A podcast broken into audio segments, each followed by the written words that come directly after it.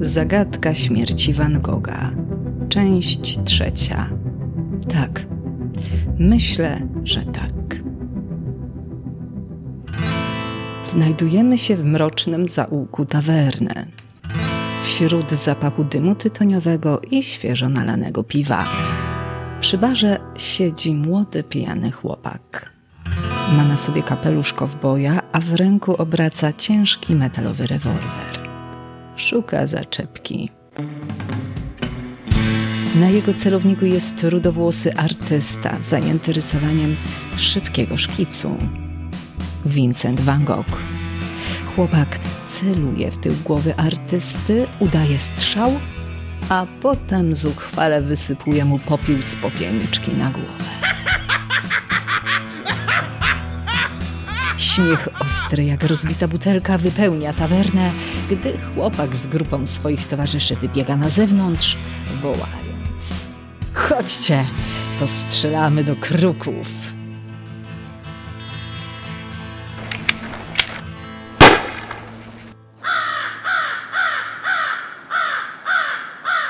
I nim zaczniemy, jeżeli podoba Ci się to, co robię i chcesz wspierać podcast dawno temu w sztuce oraz brać czynny udział w jego rozwoju, postaw mi kawę na buycoffee.tu ukośnik dawno temu w sztuce. Powtarzam, buycoffee.tu ukośnik dawno temu w sztuce. To portal, który wspiera internetowych twórców. Możesz mi tam postawić wirtualną kawę, nawet za piątaka. Cel jest jeden: zapewnienie Ci jak najwyższej jakości dźwięku, by słuchanie podcastów stało się dla Ciebie jeszcze przyjemniejsze. Mhm. Postaw kawę na swój wolny czas. Link znajdziesz w opisie. Dziękuję za wszystkie kawusie i zapraszam na kolejne podcasty. Agnieszka Kijas. Thank you very much. Co tak naprawdę stało się w dniu śmierci Vincenta van Gogha? Czy młody pijany kowboj mógł mieć coś wspólnego ze śmiercią artysty? Jakie były ostatnie słowa Vincenta i kto je usłyszał? O tym wszystkim opowiem już za moment. Nazywam się Agnieszka Kijas i jestem krytykiem sztuki. A ty słuchasz 88 odcinka podcastu z serii Dawno temu w sztuce, czyli wszystko, co chcesz wiedzieć o malarstwie, ale bez nadęcia. Dzień, dobry wieczór. Witam cię serdecznie, moja droga słuchaczko i mój drogi słuchaczu. Niezależnie od tego, czy słuchasz mnie o poranku, w południe, w nocy, o północy, to zapraszam cię dziś na wyjątkową podróż. Choć nie wiem, gdzie się teraz znajdujesz, to wiem, że jesteśmy tu razem, związani tajemnicą, która na chwilę zatrzymuje czas. A czas to wyjątkowy ponieważ premiera tego odcinka przypada dokładnie 29 lipca 2023 roku o godzinie 1.30 nad ranem. To nie jest pomyłka, to nie jest przypadek, to nie jest też tak, że chciałam Cię obudzić powiadomieniem o 1.30 w nocy, że przyszedł nowy odcinek. To wyjątkowy moment, który został wybrany z najwyższą precyzją ponieważ dokładnie 133 lata temu w cichym pokoju na poddaszu gospody w Auvers-sur-Oise zmarł Vincent van Gogh. Jeden z najwybitniejszych artystów w historii sztuki, który malował nie tylko kolory, ale i emocje. Jego obrazy do dziś rozbudzają wyobraźnię ludzi na całym świecie, nieustannie poruszają, wywołują reakcje inspirują. Dotychczas przez dwie części naszej letniej serii o tajemnicy śmierci Vincenta van Gogha balansowaliśmy na cienkiej granicy pomiędzy faktami a domysłami, analizami i spekulacjami. Tak, życie Vincenta van Gogha obrosło w tak wiele mitów, że dzisiaj jest ciężko rozróżnić fikcję od prawdy. Lecz dziś Przyszedł czas, żeby przekroczyć te granice. Czas, aby przestać zadawać pytania i zacząć znajdować odpowiedzi. Moja droga słuchaczko, mój drogi słuchaczu, przygotuj się, bo już za chwilę zaczynamy trzecią część naszej wspólnej podróży w poszukiwaniu prawdy o śmierci Vincenta van Gogha. Zapnij pasy, otwórz umysł. Ruszamy.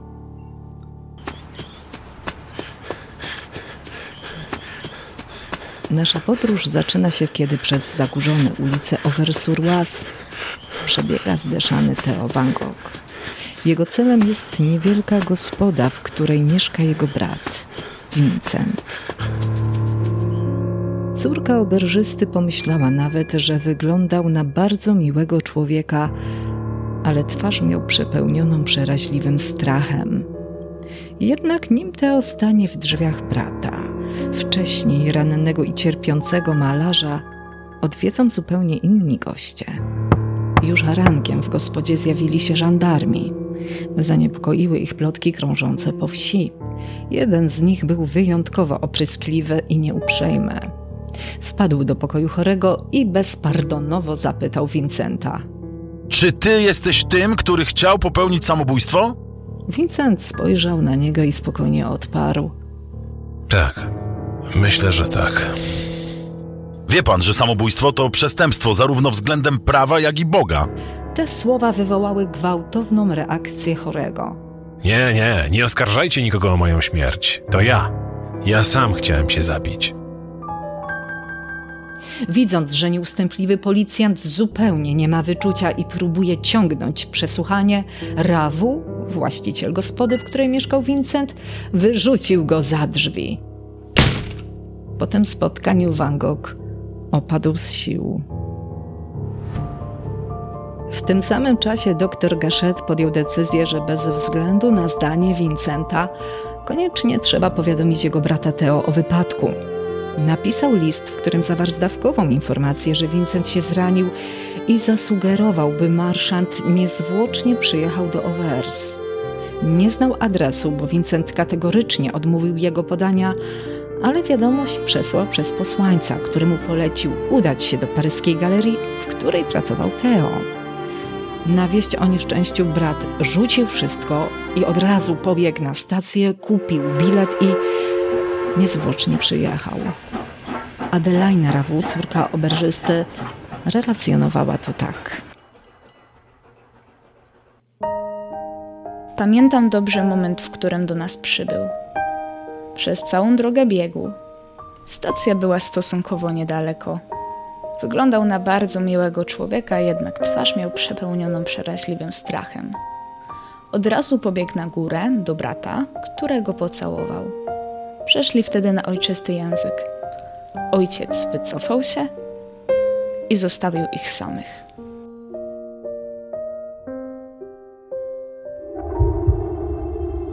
Pokój na poddaszu był ciasny i wąski. Miał pobielone ściany i małe okienko przy skośnym suficie. Metalowe łóżko, na którym leżał Vincent, niemal całkowicie wypełniało przestrzeń. Obok, na wyplatanym słomą krześle, siedział Theo. Płakał. Nie płacz. Zrobiłem to dla dobra wszystkich. Pocieszał go Vincent. Bracia długo rozmawiali. Vincent raz słabnął, raz był pobudzony, nie rozstawał się z fajką. W końcu zapadł wieczór. Teo zszedł na dół, żeby zjeść kolację i wtedy też skreślił kilka słów do żony. Znalazłem go w stanie trochę lepszym niż się spodziewałem. Nie będę pisał szczegółów, są zbyt smutne. Musisz jednak wiedzieć, że jego życiu zagraża niebezpieczeństwo. Był zadowolony, że się zjawiłem. Jesteśmy razem cały czas. Biedak nie zaznał wiele szczęścia i stracił już wszelkie złudzenia. Przygniata go zbyt wielki ciężar, jest tak samotny. Często pyta o ciebie i dziecko. Mówi, że nie możesz sobie wyobrazić, ile w życiu jest smutku. Ach, gdybyśmy mogli dać mu nowej otuchy do życia. Nie niepokój się za bardzo. Bywał już wcześniej w sytuacji równie beznadziejnej. Siła jego organizmu wyprowadzała lekarzy w pole. Tym razem było inaczej. W ranę wdała się infekcja. Vincent z każdą chwilą stawał się coraz bledszy, jego oddech coraz płytszy. dłonie coraz zimniejsze. Wybiła północ.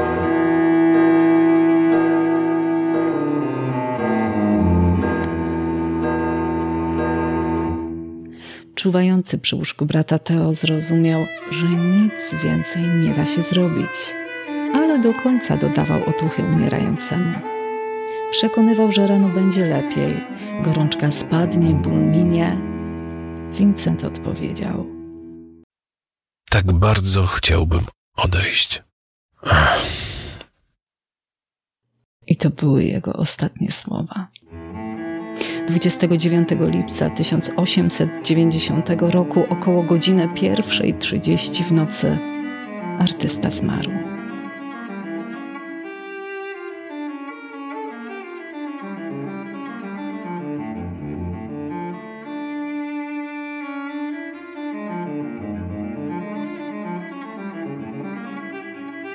Teo długo nie opuszczał pokoju Vincenta.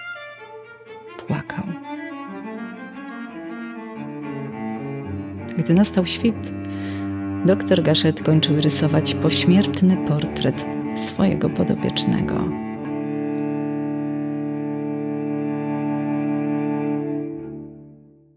Po śmierci Van Gogha w lokalnej prasie umieszczono krótki anons. Od około trzech miesięcy w Over-sur-Oise mieszkał malarz pochodzenia holenderskiego, pan Van Gogh. Pracował z gorączkową energią i od swojego przybycia wiódł życie na pozór jedno z najspokojniejszych. W niedzielę wieczorem, około siódmej godziny, pan Van Gogh wyszedł z hotelu, a o dziewiątej godzinie wracał cały uśmiechnięty, absolutnie spokojny. Tymczasem żołądek miał przedziurawiony kulą rewolwerową. Pan Van Gogh usiłował popełnić samobójstwo. Sęk w tym, że ten najsłynniejszy incydent w historii malarstwa mógł wyglądać zupełnie inaczej. 10 lat. Tyle czasu poświęcili dwaj niezależni badacze, Stephen Knifley i Gregory White Smith, na przeanalizowanie losów Vincenta van Gogha. Odkrycia, jakich dokonali, szokują. Ich zdaniem samobójcza śmierć malarza to nic innego jak legenda, którą trzeba włożyć między bajki. Prawdopodobnie artysta został zamordowany.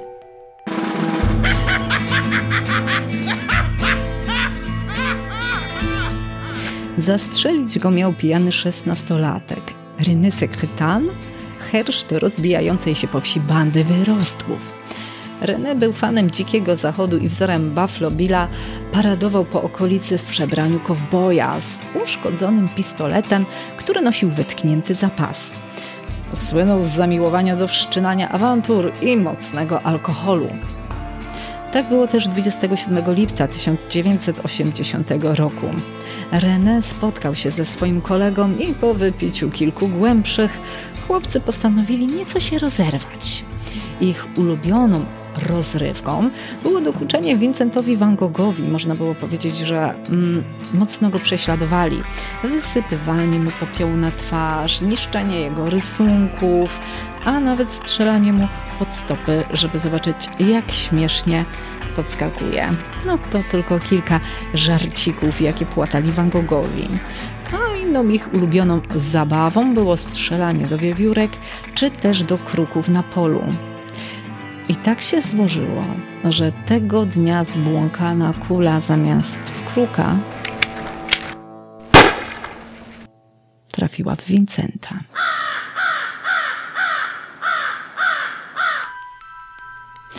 Dowodem przemawiającym za tą wersją wydarzeń jest opis rany. Wynika z niego, że strzał został oddany z odległości, a nie z bliska. W dodatku pod takim kątem, który wyklucza, by Van Gogh był sam w stanie pociągnąć za spust. Musiałby wykręcić rękę w nienaturalny sposób. Dlaczego zatem Vincent zeznał, że zranił się sam? Dlaczego na pytanie policji o to, czy próbował się zabić, odpowiedział tak, myślę, że tak. To pytanie pozostanie bez odpowiedzi. Możemy się tylko domyślać. Van Gogh był człowiekiem wyjątkowo wrażliwym. Często powtarzał, że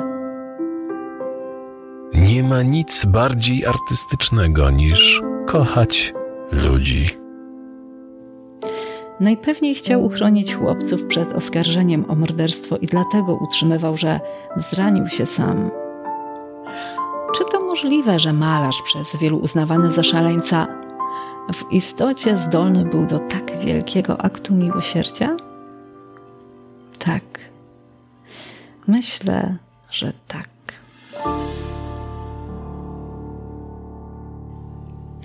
I z tym tak cię zostawię.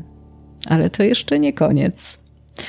Dzisiaj, dokładnie w rocznicę śmierci Vincenta van Gogha, dotarliśmy do momentu, w którym jego tajemnica została odkryta. I choć znasz już odpowiedź na pytanie, kto zabił Vincenta van Gogha, to nasza podróż wciąż trwa. W następnym odcinku czekają na ciebie nowe zwroty akcji i dramaty. Przygotuj się na wzruszające pożegnanie z Vincentem, na zgłębienie tragicznego losu jego brata, a także na odkrycie, jak nieoczekiwaną rolę w ich historii odegrała żona Theo. A na razie dziękuję Ci za Twój czas i za to, że słuchasz tego podcastu. Jeżeli podoba Ci się to, co robię, to zasubskrybuj mój kanał, gdziekolwiek go słuchasz bo dzięki temu będziesz na bieżąco i nie przegapisz kolejnych części opowieści o tym genialnym artyście.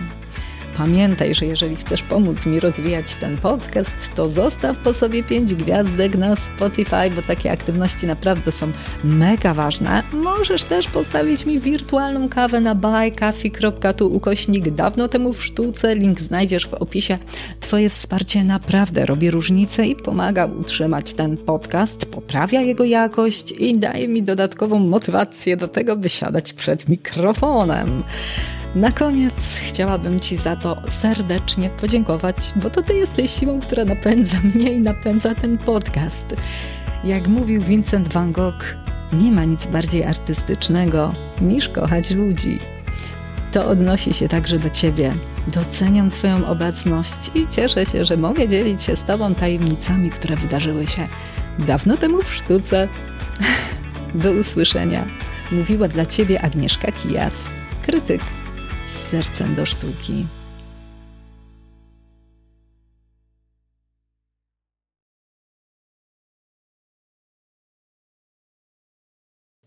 A kuku, jesteś ze mną jeszcze?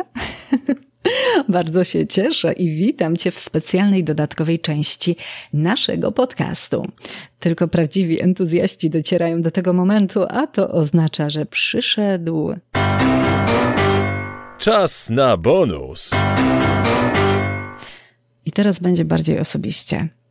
Kiedy pracowałam nad książką o Vincencie Van Goghu, można powiedzieć, że poczułam się tak, jakbym naprawdę go poznała, jakbyśmy się zaprzyjaźnili.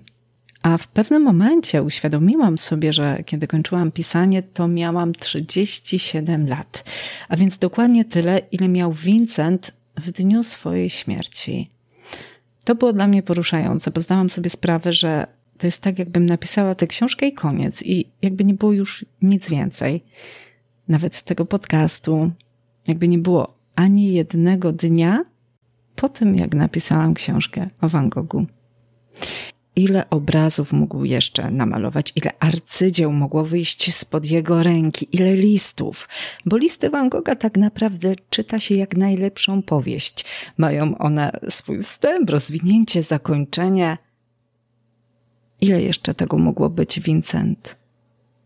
A nie ma.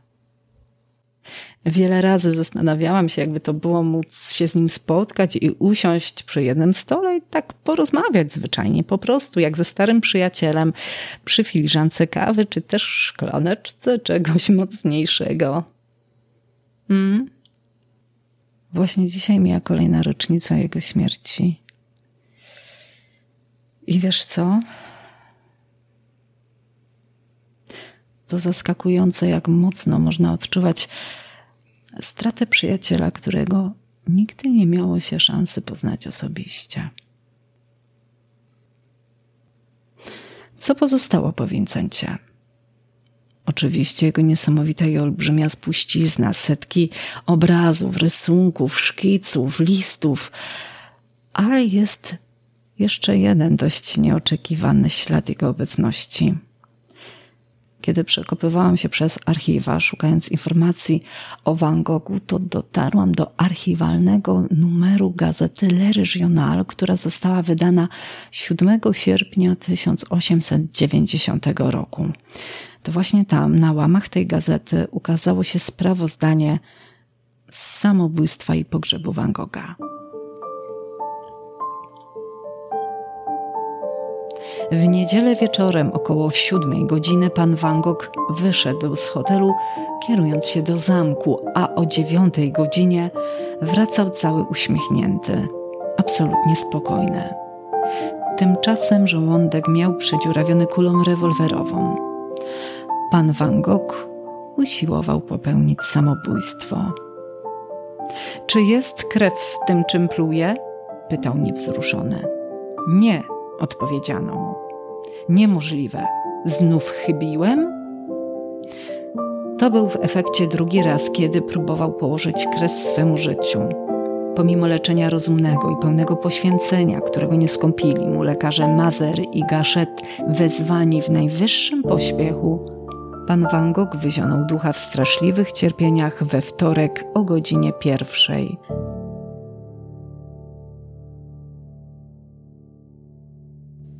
Jego ceremonia pogrzebowa miała miejsce we środę o trzeciej godzinie. Kondukt pogrzebowy był prowadzony przez jego brata i przez doktora Gaszeta, przyjaciela zmarłego, który wygłosił ostatnie pożegnanie w słowach boleśnie wzruszających. Wielu artystom przybyłym z Paryża i całej kolonii artystycznej z Auvers-sur-Oise, w tym czasie bardzo licznej, zależało na oddaniu hołdu temu zwyciężonemu przez sztukę i życie, temu, który zatrzymał się w drodze pośród równiny jasnej i słonecznej, gdzie wydawał się przybyć w poszukiwaniu ostatecznego odpoczynku. Hmm. Żegnaj, Vincent. A może raczej powinnam powiedzieć do zobaczenia gdzieś tam, po drugiej stronie płótna.